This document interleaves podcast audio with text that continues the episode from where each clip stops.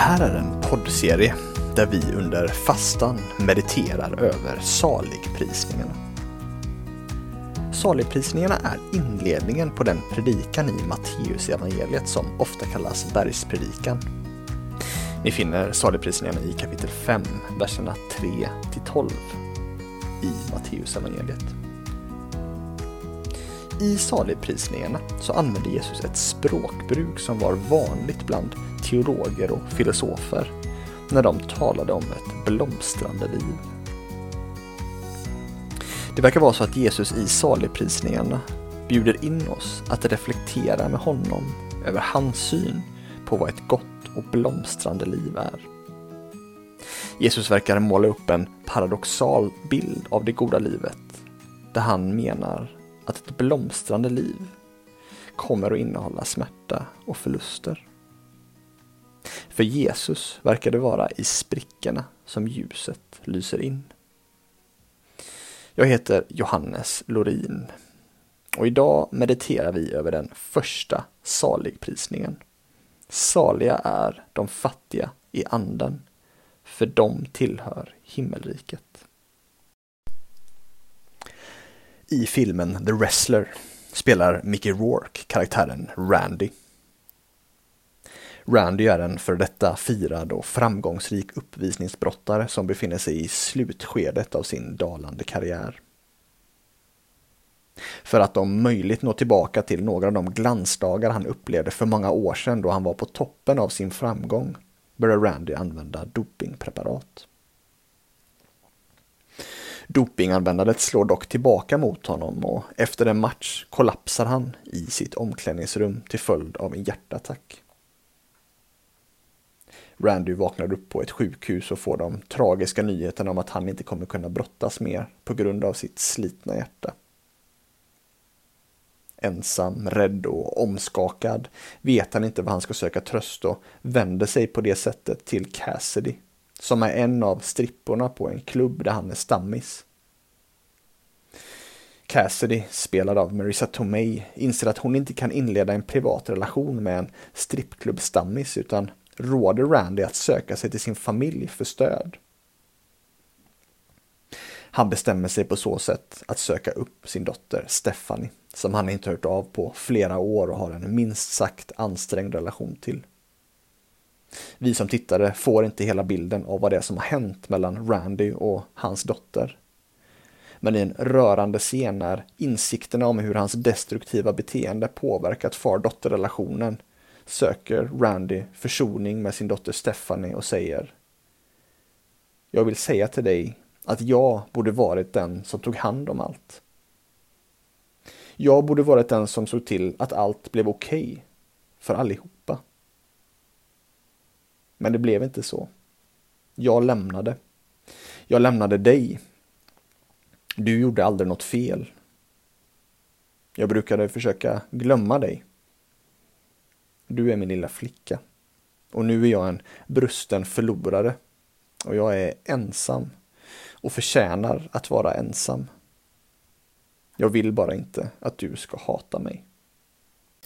I sin bekännelse för sin dotter medger han att han lämnat henne och till och med försökt glömma och låtsas om att hon inte finns.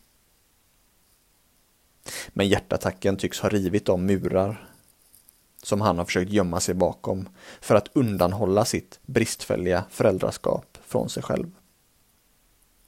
Hans smärtsamma uppvaknande blir en extremt dyrköpt insikt om vem han egentligen är. Randys nyktra sätt att se på sig själv och hans nakna bekännelse för Stephanie öppnar upp honom för en potentiell reparation av deras relation. Sättet på vilken berättelsen utvecklar sig tycks indikera att den försoning Randy söker med sin dotter är möjlig först när han inte har några illusioner om sig själv att gömma sig bakom. Han kan inte skylla sina misslyckanden på någon annan. Han har ingen framgång att gömma sig bakom och inga droger, ingen sprit och inget jobb att fly in i. Först i det tillståndet verkar han kunna se ärligt på sig själv och på sättet på vilket han försakat Stephanie och genom det verkar han kunna närma sig henne oförfalskat. Först i ett tillstånd av andlig fattigdom verkar det finnas hopp om försoning mellan Randy och Stephanie. Jag tror att Randys tillstånd efter hjärtattacken illustrerar väl vad Jesus menar med fattigdom i anden. Det är i sprickorna av Randys brustna tillstånd som försoningens ljus kan lysa in. För att återigen låna vokabulär från Leonard Cohen. Författarinnan Joy Davidman skriver i sin essä A long way around om sin uppväxt i New York som sekulär judinna och därifrån till kommunism och sen till kristen tro. Hon formulerade sin tro tidigt i livet efter att ha upptäckt Freud. Hon skriver så här. Människan är bara en apa. Dygd är bara en vana. Livet är bara elektrokemiska reaktioner. Vårt psyke bara en uppsättning betingade reflexer och andra är ändå inte rationella som jag. Kärlek, konst och altruism är bara sex. Universum är bara materia. Materia är bara energi. Jag minns inte vad jag sa att energi bara var. Davidman upplevde sig attraherad av en värld som erbjöd något mer än materia. Men hon kunde bara känna den lockelsen när hon läste skönlitteratur. En dag så ändrades hennes livsåskådning drastiskt. Hon fick ett samtal från sin man som efter en tid av för mycket övertidsarbete ringde hem och uttryckte att han hade någon typ av nervöst sammanbrott. Och han kunde inte komma hem. Lämnad i osäkerhet gällande makens fysiska och psykiska tillstånd så försökte David men frenetiskt ringa tillbaka till sin man som inte svarade. När kvällen kom var han fortfarande spårlöst försvunnen. Om upplevelsen som därefter följde så skriver hon så här. För första gången i mitt liv kände jag mig hjälplös. För första gången var min stolthet tvingad att erkänna att jag, när allt kom omkring, inte var mitt eget ödes smed eller min egen själs kapten. Alla mina försvar, mina murar av arrogans och tvärsäkerhet och egenkärlek bakom vilka jag gömt mig från Gud föll ner. Och Gud kom in. Hur kan jag beskriva en direkt upplevelse av Gud? Upplevelsen är unik. Evig. Det finns inga ord. Det finns inget att jämföra dem med. Går det att fylla en tekopp med havet? De som känner Gud vet. Andra tror jag inte kan lyssna eller förstå. Det befann sig en person med mig i rummet som var tillgänglig för mitt direkta medvetande. En person så verklig att hela mitt liv till den punkten i jämförelse upplevdes som ett skuggspel. Och jag själv var mer levande än vad jag någonsin varit. Det var som att vakna upp ur sömn. Min medvetenhet om Gud var ingen tröstande illusion, framtvingad för att trösta mig om min makes säkerhet. Jag var lika oroad innan som efteråt. Nej, upplevelsen var terror, extas, omvändelse och återfödelse. Upplevelsen av hjälplöshet fick henne att se igenom de försvar bakom vilka hon gömt sig.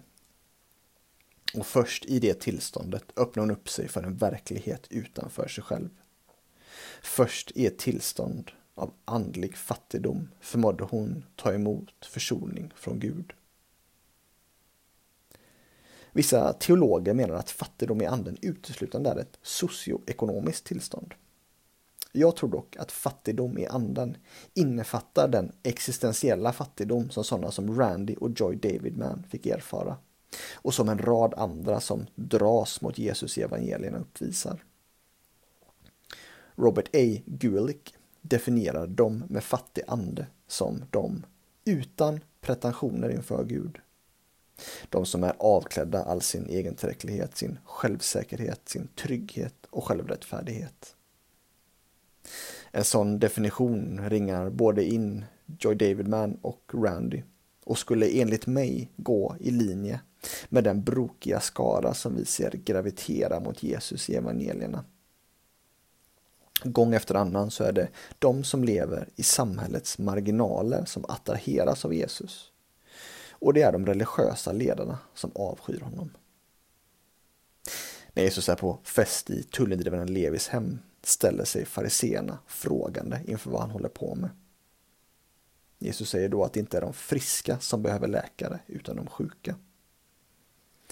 Vid ett annat tillfälle när Jesus återigen befinner sig i dialog med den teologiska eliten så uttrycker han att det är de prostituerade och tullindrivarna som kommer in i himmelriket före dem. Vad Jesus menar med det är ingen sanktion mot tullindrivarna eller mot prostitution. Vad Jesus hintar om där, precis som i den första strofen i bergspredikan, är att de som inte har några pretensioner eller statussymboler att gömma sig bakom. Det är de som har en andlig brustenhet. Och det är en andlig brustenhet som paradoxalt nog innebär salighet. Därför att den öppnar upp dem för Jesus och hans rike.